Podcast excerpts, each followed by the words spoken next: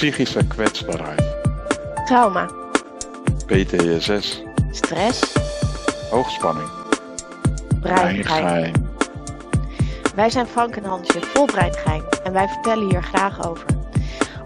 Onze kennis en kunde uit het werkveld aangevuld met onze levensverhalen. We zorgen voor de juiste balans, waardoor we moeilijke onderwerpen bespreekbaar maken. We dagen elkaar uit net een stapje verder te gaan in groei. En nemen jou als luisteraar hier graag in mee.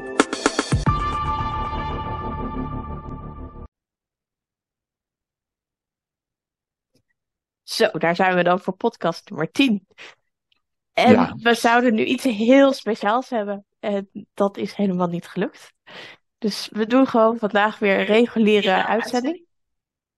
Ja, ja, we hadden inderdaad eh, iets heel speciaals willen doen. En eh, we zijn eigenlijk aan het brainen geweest van hoe willen we dat doen. Maar ehm, omdat het echt iets speciaals moet zijn, hebben we eigenlijk gezegd van laten we dat doen op nummer 15 of 20. Want het moet wel echt iets zijn waar we zelf ook heel trots op kunnen zijn. Zeker. Dus, eh, maar wat we wel gaan doen vandaag is, eh, wij duiken straks nog de ijssalon in om een gebakje te eten, want we gaan het wel vieren. Want voor ons is tien toch best wel een mijlpaal. Het is eh, heel bijzonder dat we, dat we inderdaad dat gehad hebben. hè. Ja, er wordt gezegd vanaf eh, nummer 7 wordt het kritisch. En eh, dit is gewoon nummer 10. Yeah. Ja, en we zijn er nog steeds vol enthousiasme en we hebben echt iedere keer weer zin om op te nemen. Dus eigenlijk denk ik dat we nog wel even doorgaan. Dat eh, denk ik zeker wel. Ja. Ja. ja, dat weet ik zeker. Dus hartstikke leuk. Ehm, we gaan nog even terugkomen op eh, de oefening die we mee hadden gekregen natuurlijk de laatste keer. En dat was eh, in een soort van 3D-beeld vatten een rouwperiode eh, waarin je zat of iets dat het representeerde. En ehm, ja, ik had eerst zoiets van, als ik rouw, dan heb ik altijd het idee dat ik door de bodem heen val in een soort van enorme leegte in het niets. Ik vond het onwijs onpraktisch om dat uit te beelden in een 3D-beeld. Dus uiteindelijk heb ik het zo simpel mogelijk gehouden. En dan kwam ik op een poppetje met een eh, ja, soort van verdrietig gezichtje, waar je dan eh, ja, wat, wat het representeert. Voor degene die het eh, zien, die kunnen hem zien. En voor degene die het horen, die maken er maar een prachtig beeld van. Ehm, en dus vandaar, dat was mijn uitvoering daarvan. Ja, en ik, eh, ik ben echt heel, eh, ja, in mijn hoofd heel druk bezig geweest. Maar dat schijnt iets met rouw en hoofd heel lastig te zijn. Dus ik vond het best een ingewikkelde opdracht om dat uit te voeren. En eh, ik moet heel eerlijk zeggen dat ik eigenlijk niet ben gekomen tot dat wat ik graag zou willen. Ik, eh, ik, ik, ik, ik- je houdt dat nog van me te goed. En dat kan ook, hè? Want we geven elkaar de opdrachten, maar er is altijd mogelijkheid om eh, het anders aan te pakken of het even niet te doen, want het is allemaal op geleide van. En dit vind ik dan weer zo'n ontzettend mooie representatie. Het is niet gelukt en dan hebben wij intern onwijs het criticus en dialogen die daar natuurlijk over gaan. Vertelt een heel verhaal. Ja, en dat is eigenlijk soms al meer dan eh, de opdracht goed doen. Want je leert er gewoon ontzettend veel van. Dus, nou, super goed gedaan. En eh, de volgende quote is van Arthur Chapin. Dat kwam uit zijn boek dat hij heeft geschreven. En de meesten kennen hem, denk ik wel. Eh, de jongen vraagt aan het paard: Wat is het meest dappere dat je ooit hebt gedaan? En het paard zegt: Help gezegd. En daar willen we het vandaag eigenlijk over hebben in deze podcast, hè? Want ehm, de, het thema is therapie is hot or not. Ja, en eh, dan gaat het dus over hulp vragen. En eh, wat op het moment dat hulp vragen eigenlijk best wel spannend is. Eh, dat is het eigenlijk voor iedereen wel. Maar wat als je denkt, ja, maar als ik dat nu vraag, dan zal ik wel, nou ja, dan ben ik dit, of dan ben ik dat, of dan ben ik zwak, of dan ben ik, nou ja, eh, dan weet ik het niet precies. En, dus ja, dan gaan de, Dan gaan de spreekoren aan en die vertellen dan van alles en nog wat over wat je allemaal wel niet, wat je allemaal niet bent op het moment dat je dat doet. Ja, Ehm, het is ook een beetje cultuurbepaald. Ik bedoel, het is nog steeds een beetje raar om. eh, weet je, als we een gebroken arm hebben, vinden we het allemaal heel normaal dat we naar het ziekenhuis gaan. Mhm. En dat dan iemand zegt: Oh ja, het is gebroken. En eh, dan moet er een gips omheen. En je bent zes tot acht weken bezig. En daarna zal het wel weer goed zijn. Ja. Ehm, en dat vinden we de meest normale gang van wat je doet. Ja. Maar mochten we nou psychisch een beetje in de knoop zitten of denken van nou, ik weet eigenlijk niet precies of dat wat er in mijn systeem speelt wel, eh, eh, het, het voelt ook een beetje stuk. Ja. Ehm, dan is het toch nog steeds raar om daar dan met iemand over te gaan praten. En eh, het is ook niet zo makkelijk samen te vatten als, nou, als we acht tot tien weken bezig zijn, dan, eh, dan kan het gips eraf en dan, eh, dan ben je weer genezen. Want zo werkt het natuurlijk met de mind ook niet. Nee. Ehm, maar ja, moet je het dan laten?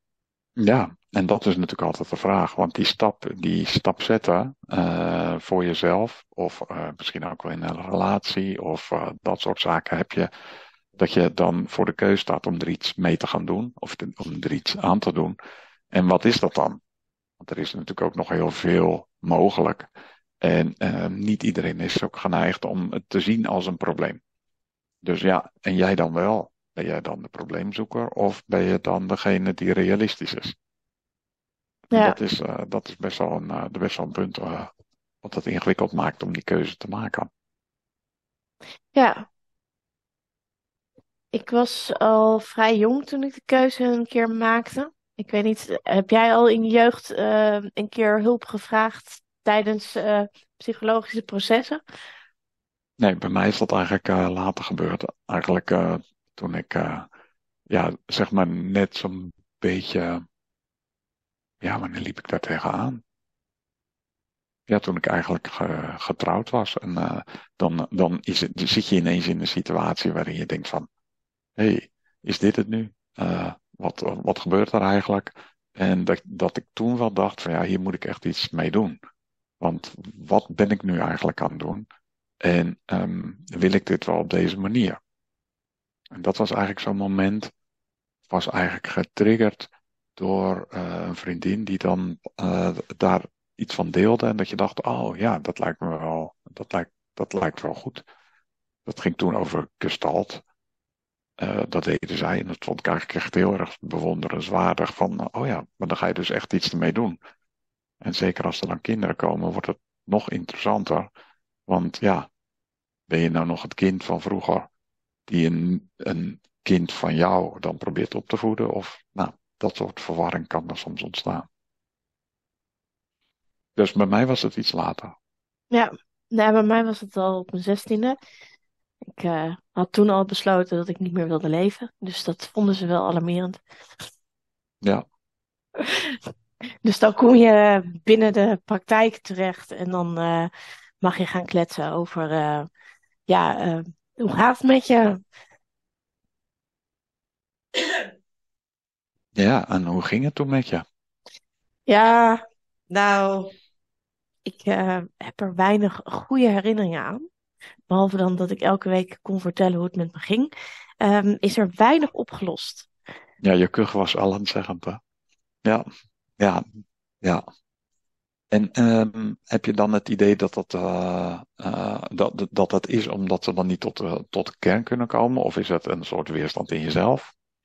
Nou, ik denk dat we ook nog vrij ehm, simpel kunnen zijn in, ze kunnen simpele dingen oplossen. Mhm. Ehm, dus ja, als jij gewoon komt met, joh, ik zie het leven, niet zo zitten en je hebt een depressie, dan eh, vinden ze het een vrij makkelijk probleem om op te lossen. Je krijgt medicatie, je wordt naar huis gestuurd en eh deal met eh daarmee. Nou had ik geen depressie, dus dan ga je ook geen antidepressiva geven. Vond ik, zij niet, maar ehm, daarin lagen we al zeg maar niet op één lijn. Ehm, en ja, zodra je eigenlijk meerdere dingen hebt meegemaakt en dat het vanuit verschillende kanten eigenlijk in jouw systeem gaat botsen, dan word je dus een complex geval. En dan, ehm, ja, dan zijn er eigenlijk geen therapieën voor. Oké, dus dan zeggen ze eigenlijk van ja, ik heb het boek gelezen, maar er zit geen hoofdstuk voor jou bij. Ja, of uh, ja, je hebt iets van dit hoofdstuk en je hebt iets van dat hoofdstuk, je hebt iets van het volgende hoofdstuk. Maar ja, uh, bij alles moet ik het anders aanpakken. Maar ik weet niet hoe ik dat dan in zijn geheel moet doen. Is dat dan onmacht van de hulp? Ja, ik denk het wel. Ik denk dat, dat, uh, dat we nu nog steeds met heel veel onmacht binnen de behulpverlening zitten. Um, en het, als je een hele gerichte vraag hebt, dan is het natuurlijk vrij simpel. Ik bedoel, um, in 2017 ging het natuurlijk echt, daar heb ik al eerder over gepraat, ging het echt mis, amnesie. Vervolgens kom je dan binnen bij de hulpverlening en dan is het toch echt meteen, dan moet er acuut gehandeld worden en dan word je gewoon opgenomen. En dan uh, ga je gewoon aan de slag om met je PTSS, in dat geval bij mij, um, op alfa-trauma, dus echt gewoon geweldsdelicten, want dat kunnen ze heel makkelijk aanpakken. Uh, daarmee ga je dan echt mee aan de, aan de slag. En dat, dat is dan ook wel een therapie dan op, die op dat moment echt wel heel hard nodig is. Um, en dat heeft bij mij ook echt wel heel goed aangeslagen. Was daarna toch wel een stukje vrolijker. En merk je dan dat, uh, dat de hulpverlening uh, veranderd is? Of was het gewoon echt een andere soort aanpak, zeg maar? Nou, het is een ander soort aanpak. En zoals ik al zei, het was redelijk gericht. Hè? Het was PTSS, alfa-trauma. En dan is dit wat je erop kunt doen. Um, maar al het emotioneel trauma dat er lag, dat kunnen ze natuurlijk niet aanpakken. En alles wat daar voor de rest aan um, raakt, aan dingen die je hebt meegemaakt, kunnen ze ook niet goed aanpakken. Mm -hmm. Dus dat blijft hangen. Ja. Ja. Ja, bij mij was het zeg maar verschillende soorten uh, uh, therapieën die ik door de tijd heen heb gedaan. Ook om soms uh, gewoon puur vanuit interesse, vanuit een vakgebied, om daar dingen van te leren. Maar evengoed zeggen ze dan altijd, weet je wel, je tikt ze jezelf aan. want dat gaat ook om jou. En um, ja, het kan bijna geen toeval zijn dat je dan bepaalde dingen kiest om daarin te verdiepen. acceptance, Acceptance Commitment Therapy was uh, ook een opleiding die ik gevolgd heb, waarbij ook een stuk hulp zit voor jouzelf. Je komt dan ook dingen tegen.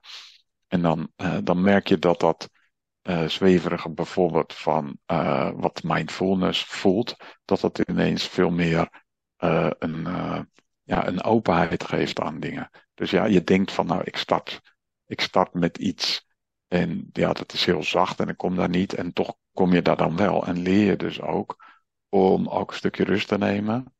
En, uh, en daar um, ook de tijd voor te nemen om daar te komen. En dat is natuurlijk vaak wat ontbreekt. Uh, je kent mij een beetje, ik ben uh, altijd van de doorzetters. En ik zal het allemaal wel even in tien minuutjes of misschien wel vijf minuten even regelen. En dat werkt gewoon niet zo. En die rust, uh, het is ook niet inderdaad dat afgebakende stuk. Na zes weken is je arm genezen, want het is een botbreuk. En gemiddeld gezien ben je dan na zes weken van het verhaal af. Nee, het kan soms ook langer duren. Of ook niet elke stap duurt een week. Want dat is ook niet zo. Ik kan dat niet zo makkelijk knippen ik heb uh, tegen hetzelfde aangekeken bij een therapeut waar ik ook tegenover zat. En, uh, dat ik zei, ja, ik wil hier gewoon even doorheen. Want als ik dit even heb opgelost, dan kan ik het weer gebruiken in de praktijk. En dat, dat was het begin van de drie jaar dat ik in therapie ben geweest. Oh ja, ja. ja en die krijg je dan even gratis even mee. Uh, zo van, oké, okay. dus jij probeert hier ervan te leren. Nou ja, het was meer gewoon dat ze met een vreemde blik zat te kijken van... Zullen we eerst maar eens gewoon beginnen met wat er op tafel ligt? Voordat oh, ja. we dat gaan weer gaan gebruiken voor. Want misschien moet je gewoon echt wel jezelf even tegenkomen hier. En uh, nou ja, dat, dat is wel gebeurd. Oké, okay. ja. En wat heeft ze je gebracht? Um, ja, wat heeft het me gebracht? Het heeft me gebracht dat ik uh, vooral weet dat uh, je eigenlijk je eigen regie binnen je therapie altijd moet behouden. Mm -hmm. Dus zodra je merkt dat jij um, ja, gedrag gaat vertonen omdat jij denkt dat je daarmee je therapeut het beste helpt, dan ben je niet goed bezig. En dat is bij mij gebeurd. Ik vond het, ehm, eh, mijn therapeut gaf bepaalde dingen af. Van ehm, als je dit doet, of je doet dat, of je doet zus. En dan kan ik je niet helpen. Dus om behulpzaam te zijn, zodat zij me kon helpen, ging ik mij aanpassen, zodat ze me kon helpen. Dat is meestal niet de weg naar therapie uh, en naar genezing. Nee, dus je had een hele blije therapeut, maar je schoot er zelf niet zoveel mee op? Uiteindelijk niet. Dus toen ik daar klaar mee was met die therapie, uh, voelde ik me eigenlijk ellendiger dan dat ik er ooit ingestapt was. En uh, dat heeft ervoor toe geleid dat ik dacht, ik wil nooit meer aan de therapeut. Maar ik moet echt serieus zeggen, ik heb nu een waanzinnige psycholoog die ik elke week spreek. En um, dat is echt, dat is een aanvulling. Omdat je gewoon op dat moment kan starten waar je staat, waar je bent. En zij luistert en ja, adresseert dat wat er nodig is op dat moment. Om gewoon weer uh, ja, beter inzicht in jezelf te krijgen. Ik denk dat ik heel erg bezig ben met het, wat zeg ik nou precies tegen mezelf? Wat gebeurt er nou precies in mijn lijf? Wat, um, wat gebeurt er nou allemaal? En dat is toch heel fijn als dat niet iemand is in je directe kring, uh, waar je dat soort dingen tegen kunt zeggen. Want ja, weet je, of ik daar iets gek zeg, het zal me eigenlijk een worst wegen. Want ja, zij ja, wordt ervoor betaald om er naar te luisteren, op bewijs van spreken. Dus als ik vind dat ik eigenlijk iets niet kan vertellen, zegt ze, nou, vertel toch maar. En dan kom je eigenlijk ook wel een stuk verder. Ja, dat kan ik me voorstellen. Ook omdat het vertellen van je bewegings- of je belevingswereld tegen diegene die je kennen. Er, zit, er kan altijd een vriendschap of een relatieaspect in zitten die zegt van nou, die gaat of voor je zorgen, of die gaat zeggen, ja, maar ligt het dan aan mij, of dat soort zaken. En dan, dan, dan gaat het al niet meer over jou. Dan, nee. gaat het, dan gaat het over de relatie of over de vriendschapsband die je met, hebt met iemand. Ja, en ik denk ook dat er nog ook wel een heleboel afwijzing natuurlijk in jezelf zit. Hè? Dat als je bepaalde dingen gaat vertellen aan iemand, dat je denkt, ja, nou, nu vind je hem nooit meer leuk. Nu, ja. uh, nu kan ik net zo goed afscheid van je nemen als ik dit verteld heb. Of uh, Um, en ja, dat, daar ben je bij een therapeut iets minder bang voor. Ja, ja, ja. Nee, die snap ik ook wel. Ja. Wat is voor jou een moment waarop je zou zeggen van joh, het is echt het moment waarop je een therapeut gaat zoeken? Ja, uh, op het moment dat je voelt dat, uh, dat, dat wat je altijd hebt gevoeld, dat je dacht, nou dat kan ik voorspellen, dat je dan uh, dat je dat ineens even niet meer voelt. Want er zit, uh, bij mij vooral gaat het over uh, regie. Dus heb ik nog de besturing over wat ik denk. En um, dat ben ik vanuit mijn vakgebied heel erg gewend. Want besturing, dat gaat uh, over welke besturing dan ook. Dat moet gewoon, dat ik, ik moet voorspellend kunnen werken. Omdat dan de uitkomst ook goed is. En als het niet lukt, dan ga ik iets leren om te zorgen dat het alsnog gebeurt. En soms leer je dat wat je voelt qua besturing, dat dat, dat dat gewoon even niet werkt. En dat je dus ook niet precies weet waar je dan naartoe gaat. En dat je uh, een soort onbestemd gevoel krijgt. Alsof je de TomTom hebt gezegd dat je ergens naartoe wil. En dat hij geen antwoord meer geeft. Halverwege de A12 zegt hij ineens uh, niks meer. Ja, is hij dan stuk? Staat hij zacht? Nee, allemaal niet. En wat ben je eigenlijk naar onderweg? Ja, wat was eigenlijk die eindbestemming? Dat, uh, dat is best wel een, uh, een vreemd verhaal. En dat betekent niet dat je de complete weg kwijt bent of zo, of dat je over de plaatsen gek geworden bent. Maar je kan soms gewoon, um, doordat je bezig bent met jezelf, ook bedenken van, oké, okay, dat ken ik helemaal niet. En uh, als je dat dan enorm verward, dat je even niet weet wat je daarmee moet, ja, durf je dan uit te spreken dat je dan daar iets mee wil gaan doen? En um, wat vindt de omgeving daar dan van? En uh, ga je dat dan ook echt doen? Of denk je van, nou, dan vinden ze me vast gek. Of uh, gaan ze vast iets tegen me zeggen. Nou, dan kan je zeggen, als je daar dan eerlijk over bent, valt het eigenlijk best wel mee. En dat was bij mij uh, vooral de grootste jaad. Dat ik dacht, ja, nee, maar dat, dit gaat niet.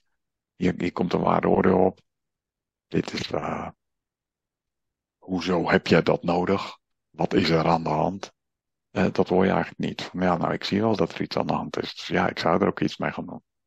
Ja, nou ja, de- degene die de podcast luisteren weten natuurlijk wat je de afgelopen jaren eigenlijk gevonden hebt in je jeugd. Dus het is ook niet heel raar dat, eh, dat je op een gegeven moment zegt van joh, hoe zou een professional ernaar kijken? Ehm, want de volgende stelling heb ik ook natuurlijk nog voor ons. Ehm, therapie of opleidingen? Omdat opleidingen natuurlijk ook een vorm van therapie eh, zeg maar geven. Ehm, hoe staan we daar tegenover? Kun je beter de volgende opleiding inhollen of is een therapie ehm, ehm, belangrijker of net zo belangrijk? Hoe kijk jij daarnaar? Ja, wat ik zeg, ik heb met eh, de verschillende opleidingen die ik ook gedaan heb in het kader van mijn werk als, eh, als, als, als coach, zeg maar, ook best wel veel verschillende invalshoeken gehad. En ik heb eigenlijk geleerd dat, eh, ook al zou je starten met alleen maar opleidingen, je uiteindelijk daar ook een, een groeipad uit krijgt, waar je dan zelf iets mee zal moeten. Want je kan vaak ook de, eh, de theorie en de praktijk pas toepassen op het moment dat je daar zelf ook ja, schoon van bent, klinkt een beetje raar, maar dat je daar een belevingsdeskundige van bent, zeg maar. Omdat op je, als je aanloopt tegen je eigen beperkingen, ehm, ja, dan ga je de ander daar ook niet mee kunnen helpen. Ehm, aan de andere kant is het ook zo van, ja, wat doet het met jou? Sta- bestaan van die technische termen als overdracht en tegenoverdracht. Dat betekent zoiets dat je overneemt wat de ander tegen je zegt. Dat je dan dus gaat reageren vanuit eigenlijk wat je er net zei. Het, de, de, eh, als, als je de therapeut blij probeert te maken, eh, dan is het goed dat, het, dat jij als therapeut dat dan ook herkent. Dat iemand jou blij probeert te maken. En dat je zegt, joh, je zit hier niet voor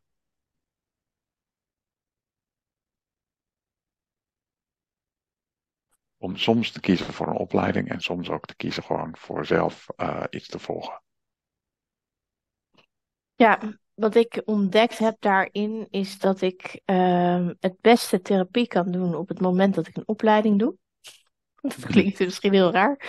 Maar je komt jezelf tegen binnen de opleiding. En ik ben in die zin altijd heel verantwoordelijk naar mezelf. Mm-hmm. Het, een opleiding, daar leg je de verantwoording niet bij de docent. De verantwoording blijft bij jezelf liggen. En uh, mocht jij dus tegen dingen aanlopen, dan kun je dat niet in je opleiding kwijt. Dan zul je daar toch echt met een professional eigenlijk uh, over moeten sparren. Dus um, ik ben dus voor het aangaan van opleidingen tijdens therapie. Dus ik. Uh, of zeg maar therapie nemen tijdens je opleiding. Ja, ja, ja, sommigen doen dat gewoon tegelijk, hè, zoals jij. Uh, voor sommigen is het ook handig om het serieel te doen, dus na elkaar. Dat is maar net, uh, ja, hoe, hoe je systeem daarop reageert en wat hij daarbij kan. Ja, nou ja, dit is dus mijn systeem. Ja. Ik combineer het graag. Heerlijk. Dus dat doe ik dus nu ook. Ik zit nog steeds in therapie en ik ben ondertussen uh, ja, in de opleiding tot ademcoach. En uh, alles wat ik daar dan weer tegenkom, dat neem ik dan ook weer mee in mijn gesprekken. En Ja. dat, dat helpt voor mij. Dat helpt heel goed. Ja. ja, dat is ook heel mooi om te zien. En uh, ja, de, datgene wat jij daarin, wat jou erin kenmerkt, is dat het ook klopt, zeg maar. Dus dat uh, is, uh, kan je daarin leven of wordt het een soort overweldigend? Nou, dat zie ik bij, dat laatste zie ik bij jou niet. Nee, Nee, het is juist dat het bij mij dan juist allemaal op plek blijft vallen. En ik vind het juist ontzettend leuk om opleidingen te blijven doen, omdat er bij mij altijd iets kriebelt. We hebben nog steeds de antwoorden niet als het gaat om hoe kunnen we nou het beste omgaan met trauma's in onszelf. En ik ben in dat opzicht eigenlijk een wandelend natuurkundeproject, vind ik altijd zelf. Want ik test het. Ik test het. Nou, als iets werkt op mij, dan denk ik, nou, dan zal het voor een ander ook kunnen helpen. Met die aantekening dat het niet gegarandeerd is dat het voor de ander werkt. Maar ik heb wel weer iets gevonden wat mogelijk zou kunnen helpen. Ja, precies. Ja, ja, ja. Dat is wel mooi.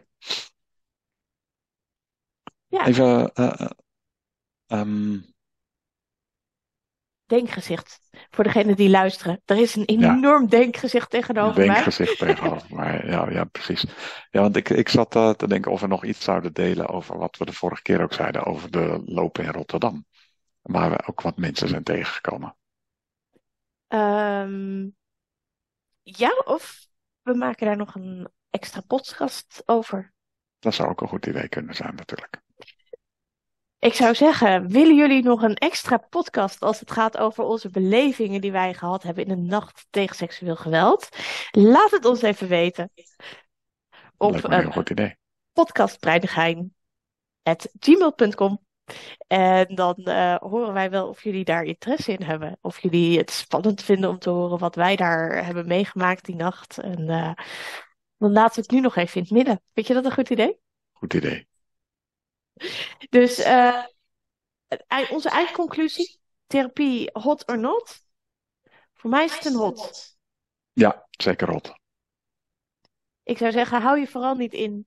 Therapie is er echt om je zeg maar te begeleiden en te helpen. Houd je eigen regie. Dat is echt wel een, een dingetje die ik eh, wil onderstrepen in dit verhaal.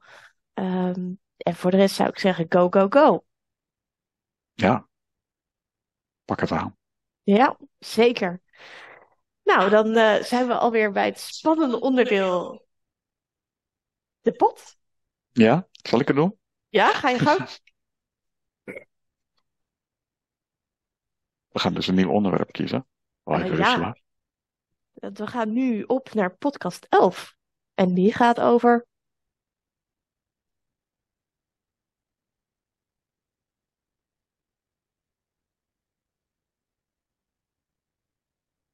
Waarom je je eigen trauma's wil aankijken en opruimen. Het doorgeven van trauma op je kinderen.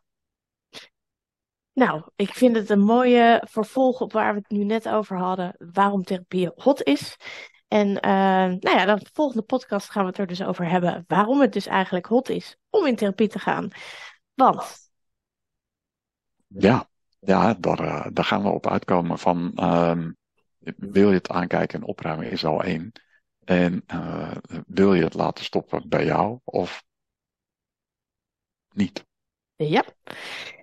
En dan hebben we nog de opdracht. Jee, en ik heb er één verzonnen deze week. Die echt wel heel erg leuk is. Want wat zijn wij gewend met onze trauma's om vooral ehm, dingen aan te gaan als zijnde, je moet dingen onder ogen komen, je angsten voorbij. eh, dus allemaal heel erg doelgericht. En ik dacht, als we nou de andere kant ook een keer doelgericht maken, we gaan het vieren.